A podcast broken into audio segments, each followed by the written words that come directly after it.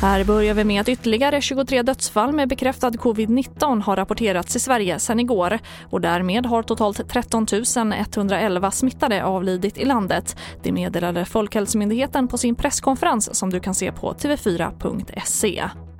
Och Läkemedelsverket ser inga skäl att sluta vaccinera med AstraZenecas vaccin trots att Danmark med flera länder pausar efter att dödsfall utreds.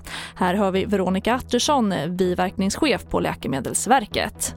I nuläget bedömer inte Läkemedelsverket att det finns tillräckligt med stöd för att avbryta vaccinationen med AstraZenecas vaccin utifrån de här händelserna som Danmark har baserat sitt beslut på.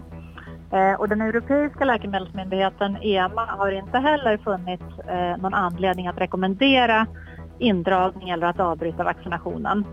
Och vi avslutar med att Folkhälsomyndigheten föreslår nya regler för hur museer, djurparker och nöjesfält ska kunna hålla öppet smittsäkert. Om smittläget tillåter kan tivolin som Gröna Lund och Liseberg öppna den 11 april.